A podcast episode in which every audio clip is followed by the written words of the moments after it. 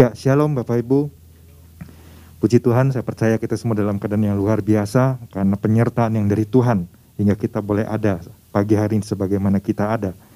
Puji Tuhan, kita sudah memasuki bulan Oktober, bulan 10 di tahun 2021 ini dan pada hari Minggu kemarin lewat Bapak Gembala disampaikan pesan Tuhan yang kita terima sekaligus menjadi visi buat gereja kita di tempat ini untuk tahun 2022 Ya, judulnya prajurit-prajurit yang memandang jauh ke depan. Yang menjadi ayat dasarnya ini ada di dalam 2 Samuel pasal yang ke-23 ayat ke-8 sampai ke-39.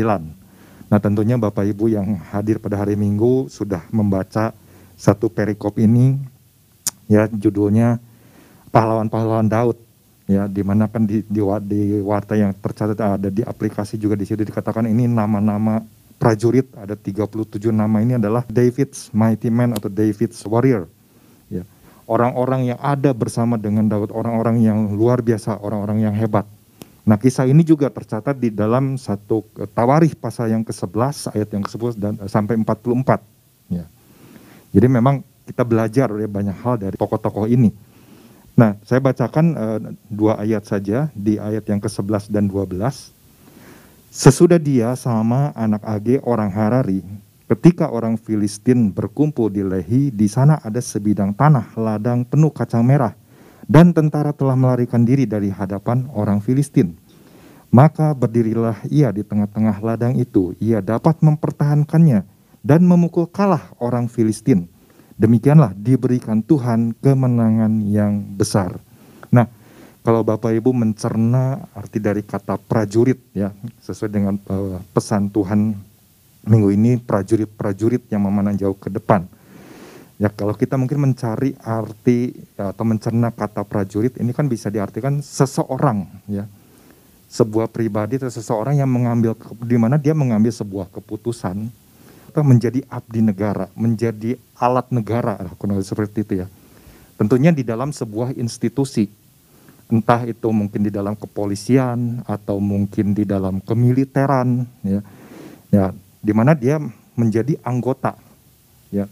Anggota dari sebuah angkatan entah itu angkatan darat angkatan laut atau angkatan uh, udara ya.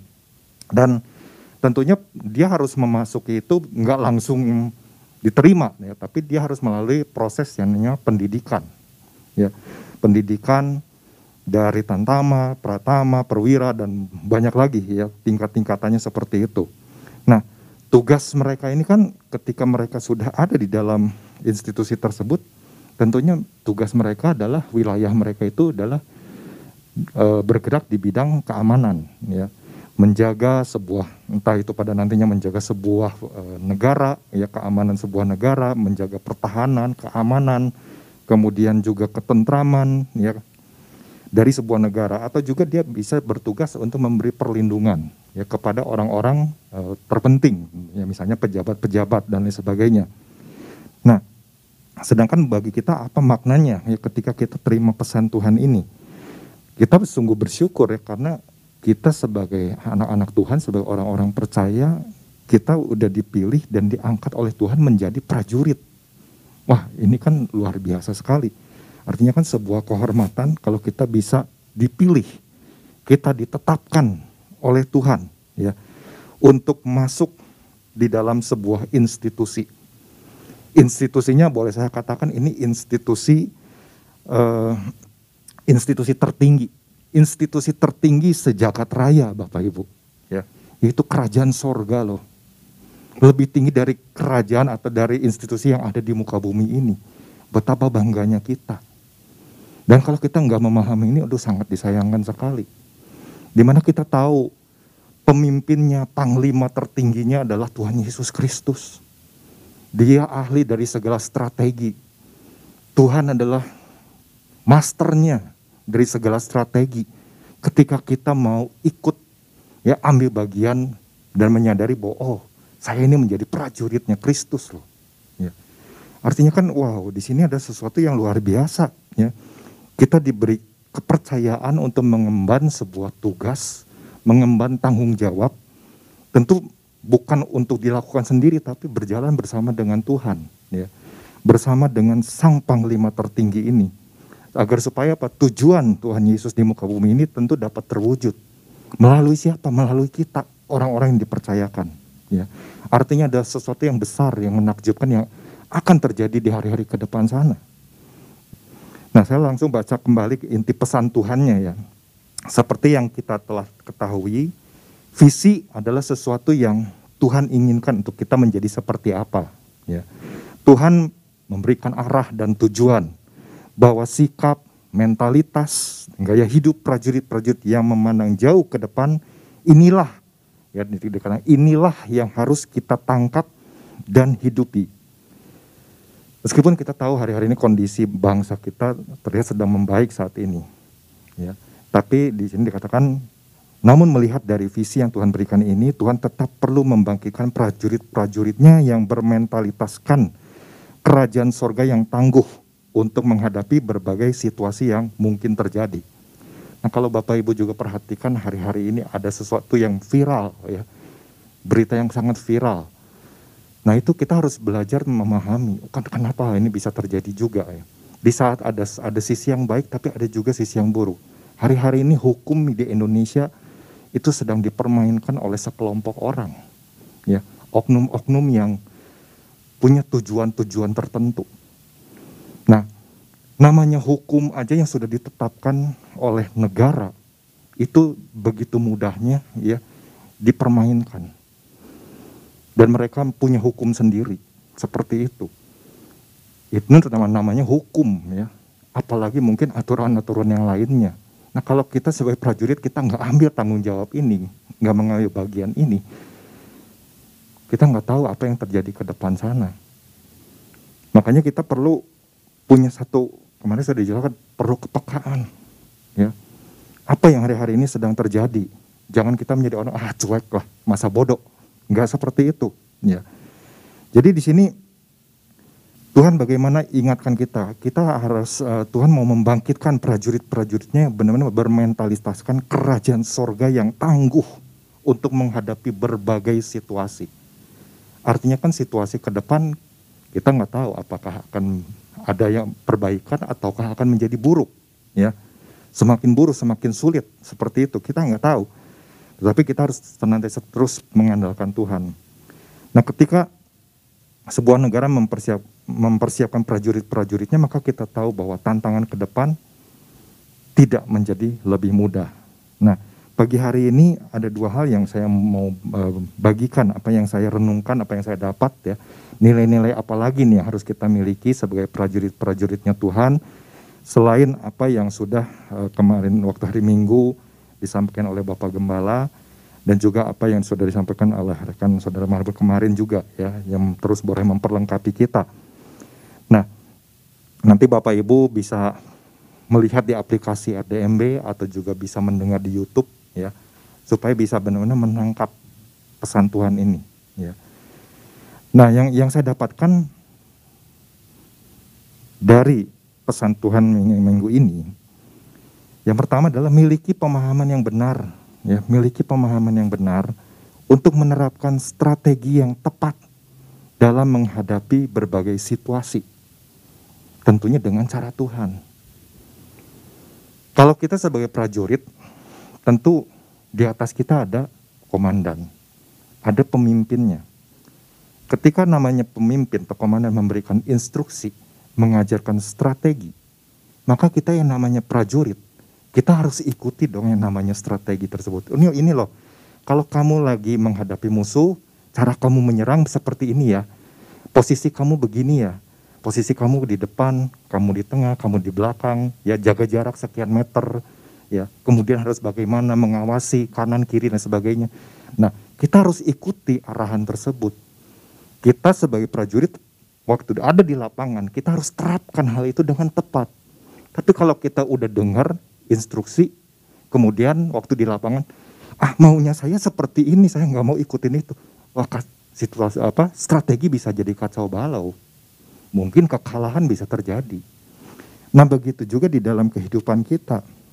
Ya. Kalau kita lihat ini kan bagaimana cara pahlawan-pahlawan Daud menghadapi musuh ini benar-benar luar biasa. Daud setidaknya sebagai seorang pemimpin, dia pasti mengajarkan kepada bawahannya. Ini loh, kalau kamu menghadapi musuh, ya mungkin lawannya sekian orang, sekian banyak, kamu harus begini, kamu harus begini dan lain sebagainya, ya.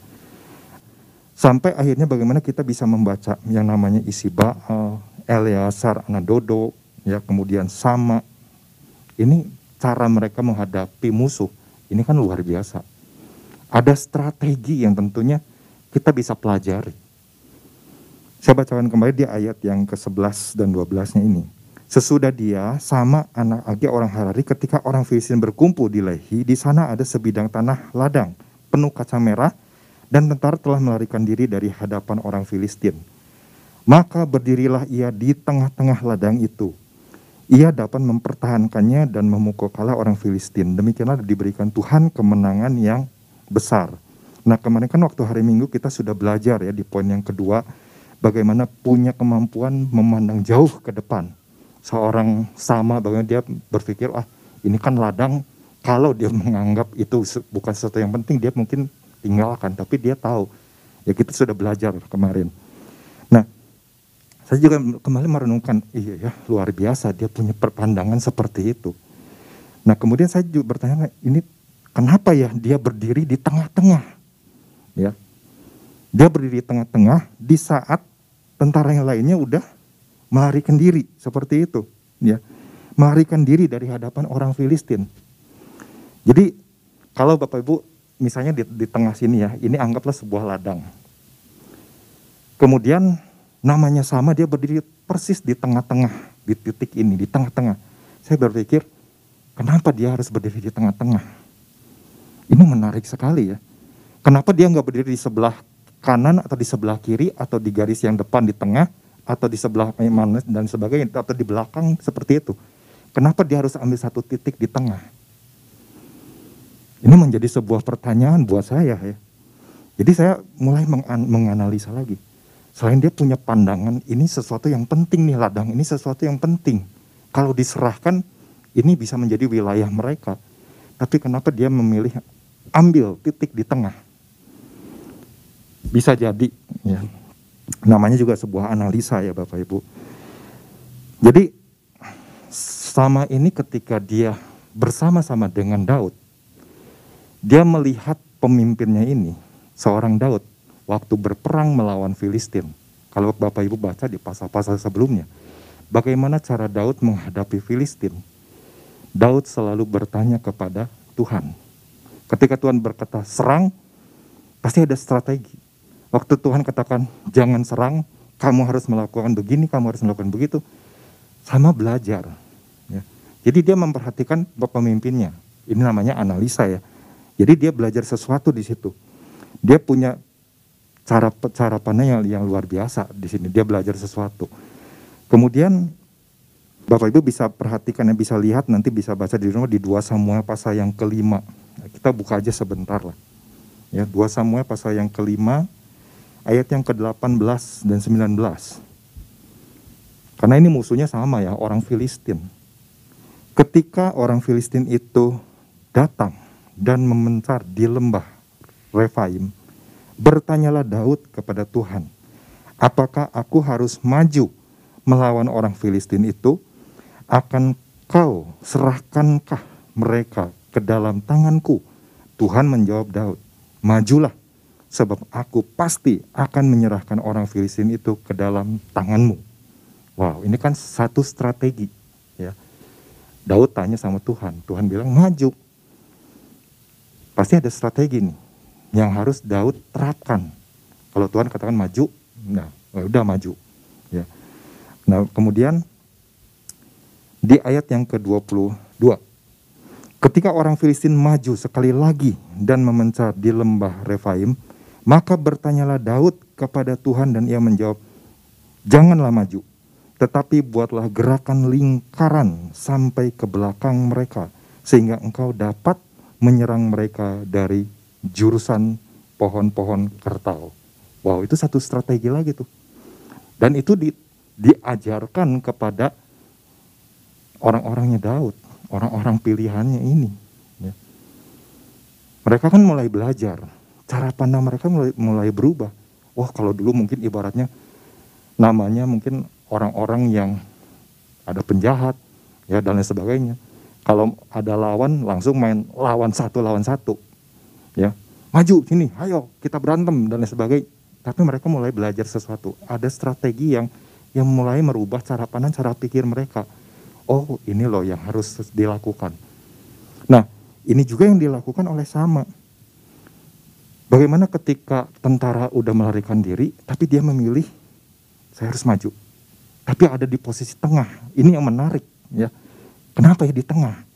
Padahal kalau musuh ada di depan, ketika diserang, kalau dia seorang diri, bagaimana cara menghadapinya, gitu kan? kok bisa dia pada akhirnya kita tahu dia mengalami kemenangan. Dan dikatakan kita mengatakan Tuhan memberikan kemenangan yang besar. Ya. Nah, jadi di sini kita bisa melihat selain ada niat ya yang kita sudah belajar kemarin untuk mempertahankan, ternyata di sini juga namanya sama ini dia ber, apa ya, berani berbicara lantang. Ibaratnya begini Bapak Ibu, kalau namanya ladang itu kan pasti ada suara yang yang menggema ya ketika kita ber, berani berkomunikasi, berani mengeluarkan suara. Ayo misalnya maju satu lawan satu dengan aku di tengah sini. Mungkin seperti itu. Suara itu tuh seperti menggema seperti itu. Orang ya pihak musuh nih.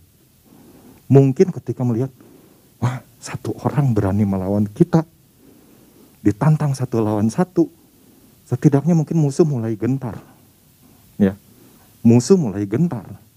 Wah berani sekali ya ini orang. Mungkin seperti itu. Pada akhirnya mungkin bisa satu lawan satu bisa saja terjadi. Karena memang Alkitab nggak menceritakan hal tersebut. ya. Jadi cuma analisanya saja. Kemudian perasaan tidak takut terhadap musuh itu juga ada di dalam diri seorang sama. Ya mungkin dengan latar belakang masa lalu dia ya.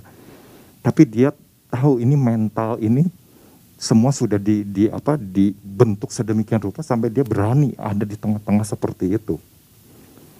Kemudian sama juga dia belajar sesuatu ketika dia memperhatikan musuh, dia tahu kekuatan dia bagaimana cara melumpuhkan musuh. Kemampuan dia bukan dengan artinya wah saya kuat nih, saya bisa dan nggak nggak sembarangan seperti itu. Tapi dia bisa memperhitungkan segala sesuatunya itu dengan tepat. Dia perlu strategi ini loh untuk mengalahkan musuh ini. Jadi nggak sembarangan. Sampai kenapa dia ada di tengah-tengah? Itu adalah sebuah strategi. Ya. Kemudian ada apa ya cara pandang imajinasi yang mana dia bisa membaca situasi dia mulai memprediksi kalau aku berdiri di tengah, aku bisa menghadapi yang ini, aku bisa menghadapi yang itu dan sebagainya. Itu semua perlu perhitungan Bapak Ibu. Jadi nggak sembarangan. Prajurit juga sama seperti itu. Yang ada di lapangan tuh nggak mungkin, wah ya udah kita serang aja begini. Enggak. Mereka perlu strategi yang tepat. Ya, mengikuti arahan komandannya. Di samping itu setidaknya sama dia punya data. Dia punya fakta lewat pengalaman-pengalaman bersama dengan Daud waktu menghadapi Filistin ya di beberapa mungkin waktu-waktu sebelumnya. Ada pengalaman-pengalaman tersebut bagaimana cara mengalahkan musuh yang namanya Filistin ini. Ya. Ini luar biasa. Dan satu hal lagi ya yang ketika saya dapat satu pertanyaan yang selalu apa eh, mengkritik hati saya Kenapa ya sama ini tetap berdiri di tengah gitu. Jadi Bapak Ibu, kalau saya umpamakan ini berdiri di tengah di sini ya. Kemudian dia meng, uh, di sini itu ada ada apa? tarikan ya uh, misalnya benang atau apa pun lah ya. Ada di dalam satu titik yang ujungnya pasti di atas ini ya. Otomatis jatuhnya di tengah untuk bisa mengangkat ini ya. Di keempat titik ini itu adalah center. Jadi saya belajar satu, oh iya, iya. mungkin di bagian kalau Daud ketika berperang dia tanya sama Tuhan, artinya dia mengandalkan Tuhan. Sumber segala kekuatan itu ada di tengah-tengah. Demikian juga kita Bapak Ibu. Sebagai seorang prajurit, punya Kristus. Waktu kita berperang, ya, waktu kita menghadapi berbagai situasi, jangan kita mundur, tapi kita maju. Kita ada di titik tengah, kita mengandalkan sepenuhnya bergantung kepada Tuhan. Ya. Tuhan akan mengangkat Tuhan akan berikan kekuatan, Tuhan akan limpahkan kekuatan kepada kita. Tuhan akan memampukan kita. Di saat mungkin kita merasa nggak mampu, Tuhan bisa kasih sesuatu. Sehingga dalam pandangan sama ini, wah aku berdiri di tengah, aku percaya malaikat surgawi menyertai aku nih. Ada bala tentara surgawi bersama dengan panglima kut yang paling tertinggi bersama dengan aku memberi kekuatan. Ini yang luar biasa sekali gitu. Saya waktu saya menentukan ini wow iya ya kenapa dia sampai berdiri di tengah? Kenapa dia nggak berdiri di belakang? Kenapa dia nggak maju di depan? Seperti itu. Artinya dia benar-benar mengandalkan Tuhan. Tuhan aku akan berdiri di tengah. Aku akan mempertahankan ladang ini tentu di dalam kekuatan yang dari engkau. Kurang lebih mungkin seperti itu ya yang namanya analisa itu. Wah ini sesuatu yang luar biasa nah dari sini kita bisa belajar banyak. Ketika Tuhan kasih visi ini untuk ke depan sana, kita masih punya niat enggak nih? Ya. Niat untuk apa? Untuk hal-hal yang mungkin Tuhan akan percayakan. Kalau udah nggak punya niat, ah enggak, males deh. Kita nggak akan menjadi apa-apa gitu. Kita nggak akan berdampak sebagai alatnya Tuhan. Padahal Tuhan berikan sesuatu yang luar biasa. Punya nggak gitu keberanian? Mungkin selama ini kita takut Nah kita mulai mau merubah diri kita. Ah, saya mulai harus menunjukkan punya keberanian. Ya. Keberanian untuk apa? Mungkin tadinya takut untuk berkomunikasi dengan orang, berhubungan dengan orang. Nah, kita mulai ya belajar berkomunikasi dengan orang, berhubungan dengan orang. Ya. Di mana tentu saja kita sebagai anak-anak Tuhan yang sudah terus diperlengkapi, kita menyatakan terus kebenaran firman Tuhan. Ya. Menyatakan kebenaran-kebenaran lewat berbagai hal ya. Kemudian kita juga nggak takut, tidak takut dalam menghadapi ya segala situasi. Mungkin orang sudah memprediksi, wah nanti akan datang nih gelombang ketiga pandemi. Waduh orang jadi takut lagi. Enggak, hadapi, ya, hadapi hal itu. Kemudian juga ya kita meningkatkan kemampuan, bisa menganalisa, ya. Untuk hal-hal apa nih yang harus kita tingkatkan ya? Mungkin kalau kita nggak nggak nggak punya kekuatan kita butuh partner. Ya kita lakukan hal tersebut ya. Butuh partner untuk bisa mendukung bisa lain sebagainya. Ya belajar untuk kita merencanakan sesuatu itu pastinya dengan terus melibatkan Tuhan. Ya jangan melupakan Tuhan tapi terus melibatkan Tuhan ya. Juga kita minta bisa minta bantuan dari orang-orang yang bisa memberikan bimbingan ya bimbingan yang tepat kepada kita semua. Dan pasti kita harus selalu bersandar ya mengandalkan Tuhan lewat hubungan yang terus-menerus kita bangun ya. Nah seperti itulah ya yang yang dilakukan oleh seorang sama ini ya. Karena kalau kita perhatikan enggak enggak rasanya enggak mungkin gitu ya. Kalau seorang sama dia bisa mengalahkan musuh ya orang-orang ini yang yang boleh dikatakan cukup banyak ini. Ini sangat-sangat benar-benar menakjubkan. Dan saya uh, men, memberikan tafsiran ini pasti Tuhan menyertai. Mungkin ada malaikat-malaikat yang nggak bisa dilihat oleh sama tiba-tiba sudah melakukan sesuatu. Ya musuh-musuh yang bisa benar-benar mengancam benar-benar mungkin udah di, udah dihalau tapi musuh-musuh tertentu dihadapi oleh yang namanya sama ya seperti itu. Nah Makanya di dalam kita menghadapi hari-hari yang kita jalani ke depan sana, kita juga harus terus belajar menerapkan strategi. Strategi apa nih? Pasti kita harus tanya sama sang sumber ya kepada Tuhan Yesus. Di mana Tuhan Yesus kan bisa sampaikan lewat visi. Ya, pesan demi pesan kita tangkap. Apa yang harus kita pelajari, apa yang harus kita mengerti ya lewat pesan Tuhan ini. Kita pelajari ya kita selidiki sehingga kita menjadi orang-orang yang cakap di dalam menghadapi berbagai situasi ini. Ya. Itu yang pertama. Nah yang kedua, Kalau kita baca kembali di ayat yang ayat sebelumnya ya, ini di ayat yang ke-9. Karena ini yang menarik adalah bagaimana Tuhan yang menarik apa hati saya ini adalah Tuhan memberikan kemenangan yang besar ini ya.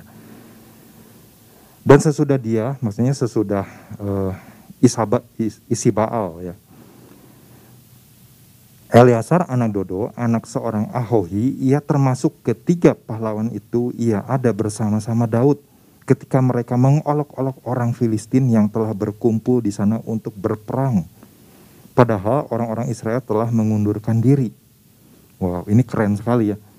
Orang Israel sudah mengundurkan diri, tapi yang namanya Eleazar ya bersama-sama dengan Daud justru mereka mengolok-olok orang Filistin artinya oh, ini nggak ada ketakutan sekali ya luar biasa sekali nih tetapi ia bangkit dan membunuh demikian banyak orang Filistin sampai tangannya lesu dan tinggal melekat pada pedangnya.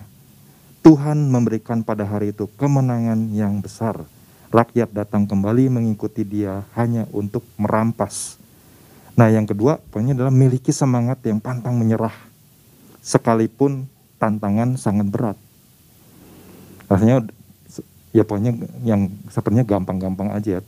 Ternyata waktu kita jalani nggak nggak semudah itu, nggak semudah seperti kalimat poinnya. Ketika ada tantangan yang berat masih punya nggak gitu semangat pantang menyerahnya ini. Orang sering kali, aduh, terus menerus seperti ini ya, Kenapa ya?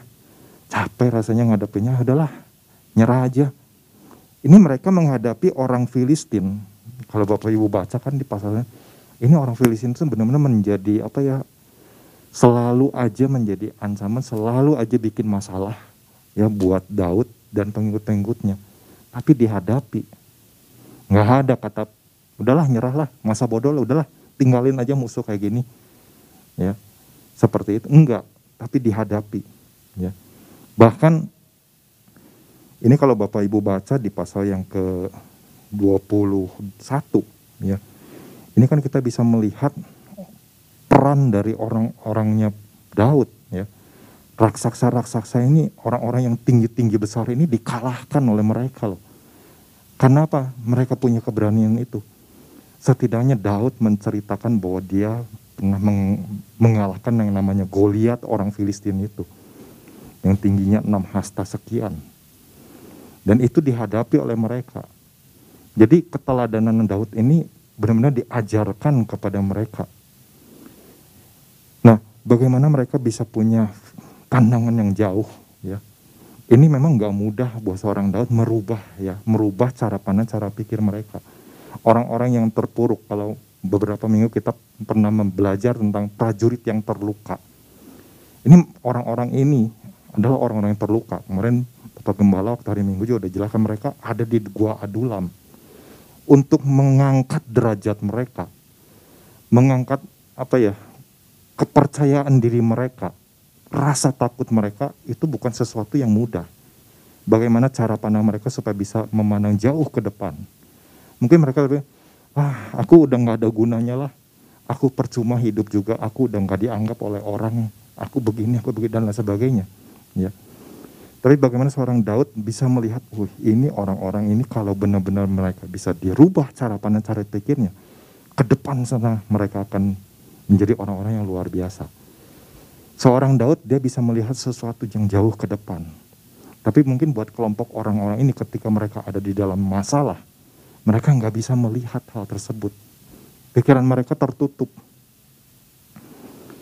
Tapi bagaimana kemudian lewat bimbingan dari seorang Daud, mereka pun nggak berpikir, ya. Tapi mereka diajar, dan Daud membangun sebuah hubungan yang sangat-sangat baik, sangat-sangat indah. Ya. Jadi pertemanan Daud ini dengan anak-anak buahnya ini benar-benar hubungan yang yang benar-benar saling luar yang sangat luar biasa.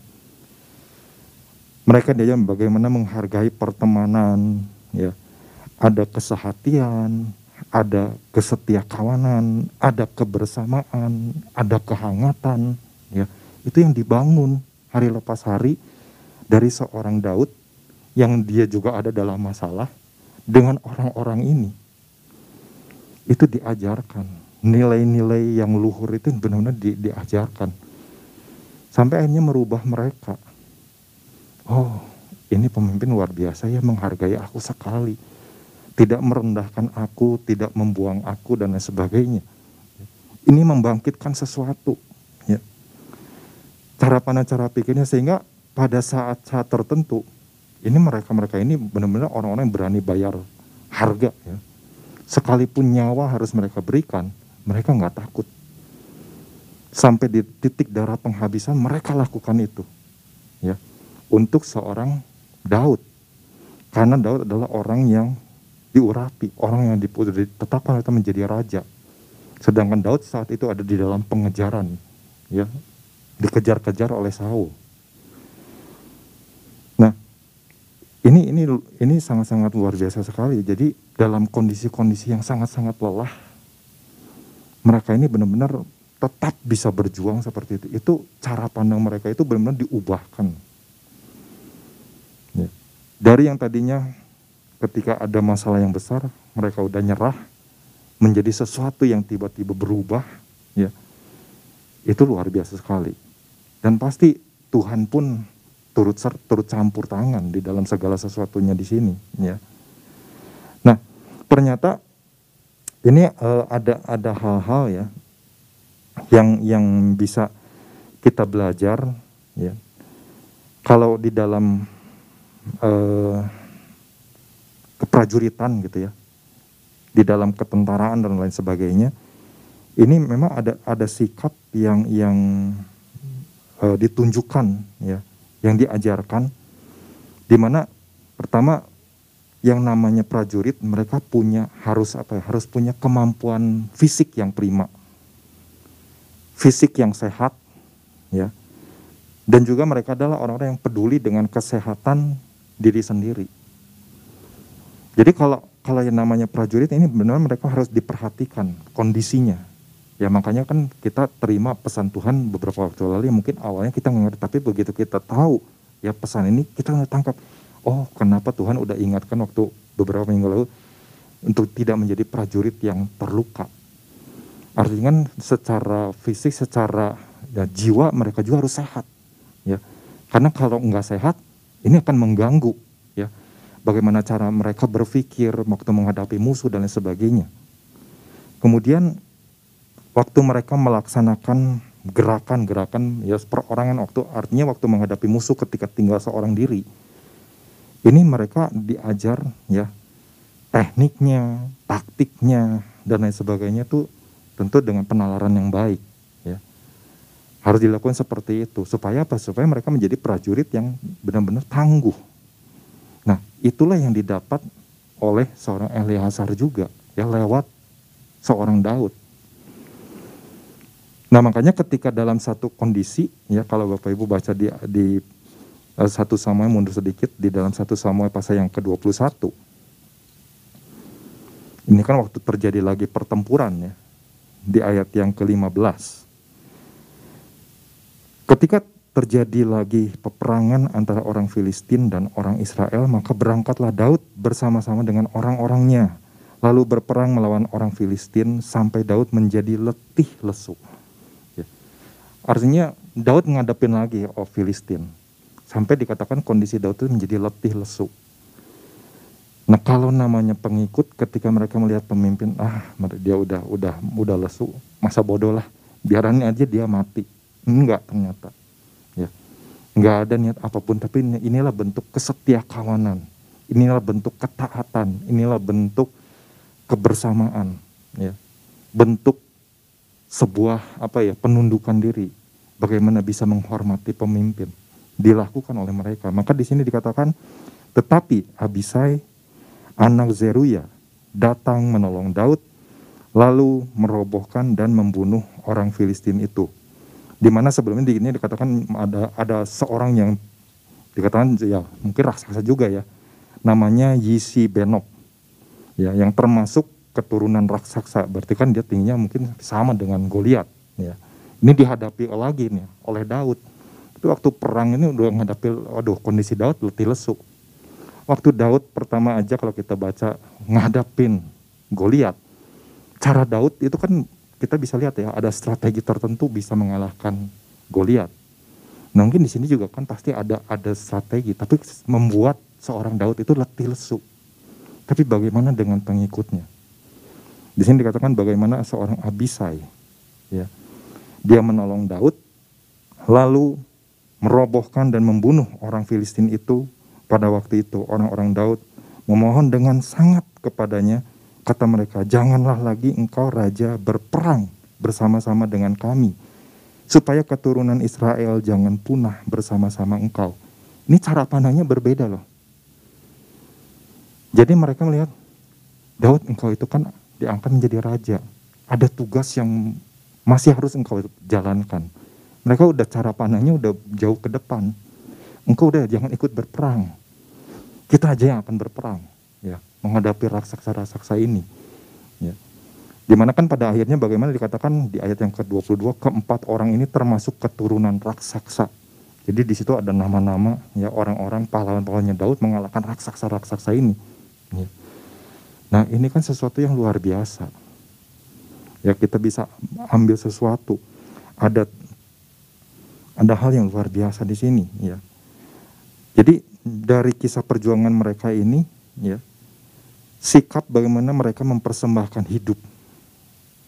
Bagaimana uh, sikap pantang menyerah rela berkorban ini ada pada mereka.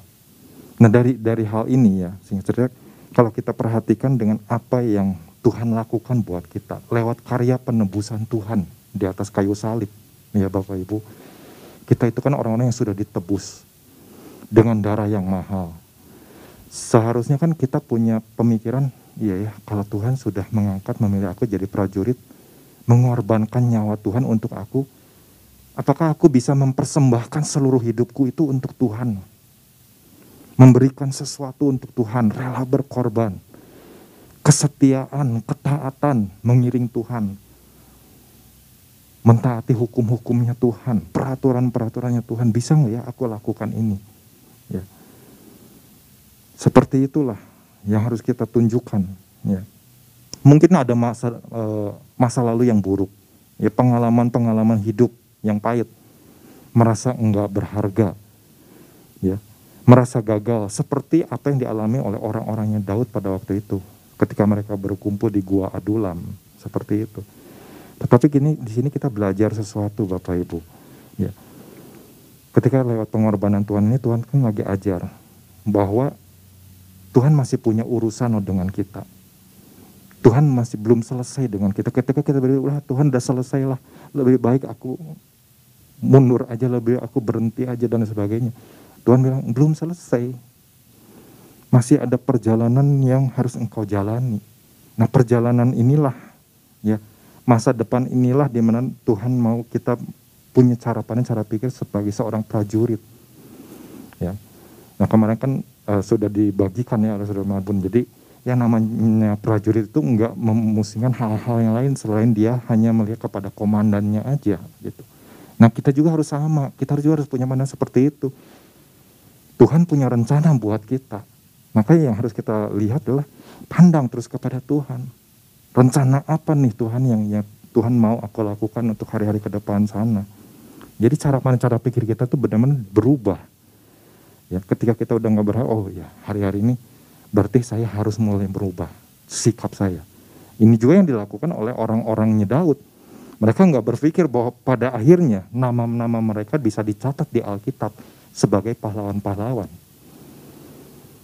Pada akhirnya kita bisa membaca kisah mereka sampai hari ini. Wow, ini tokoh-tokoh yang luar biasa. Buat mereka pada waktu itu nggak punya kepikiran, tapi apa yang mereka lakukan, mereka lakukan yang terbaik. Mereka membela ya calon rajanya ini dengan segenap hati mereka.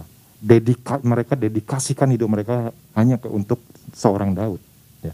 Karenanya biarlah dua hal ini Bapak Ibu boleh menambah ya memperlengkapi Bapak Ibu nilai-nilai apa prinsip apa yang harus kita miliki sebagai prajurit-prajuritnya Tuhan Yesus. Tuhan memberkati.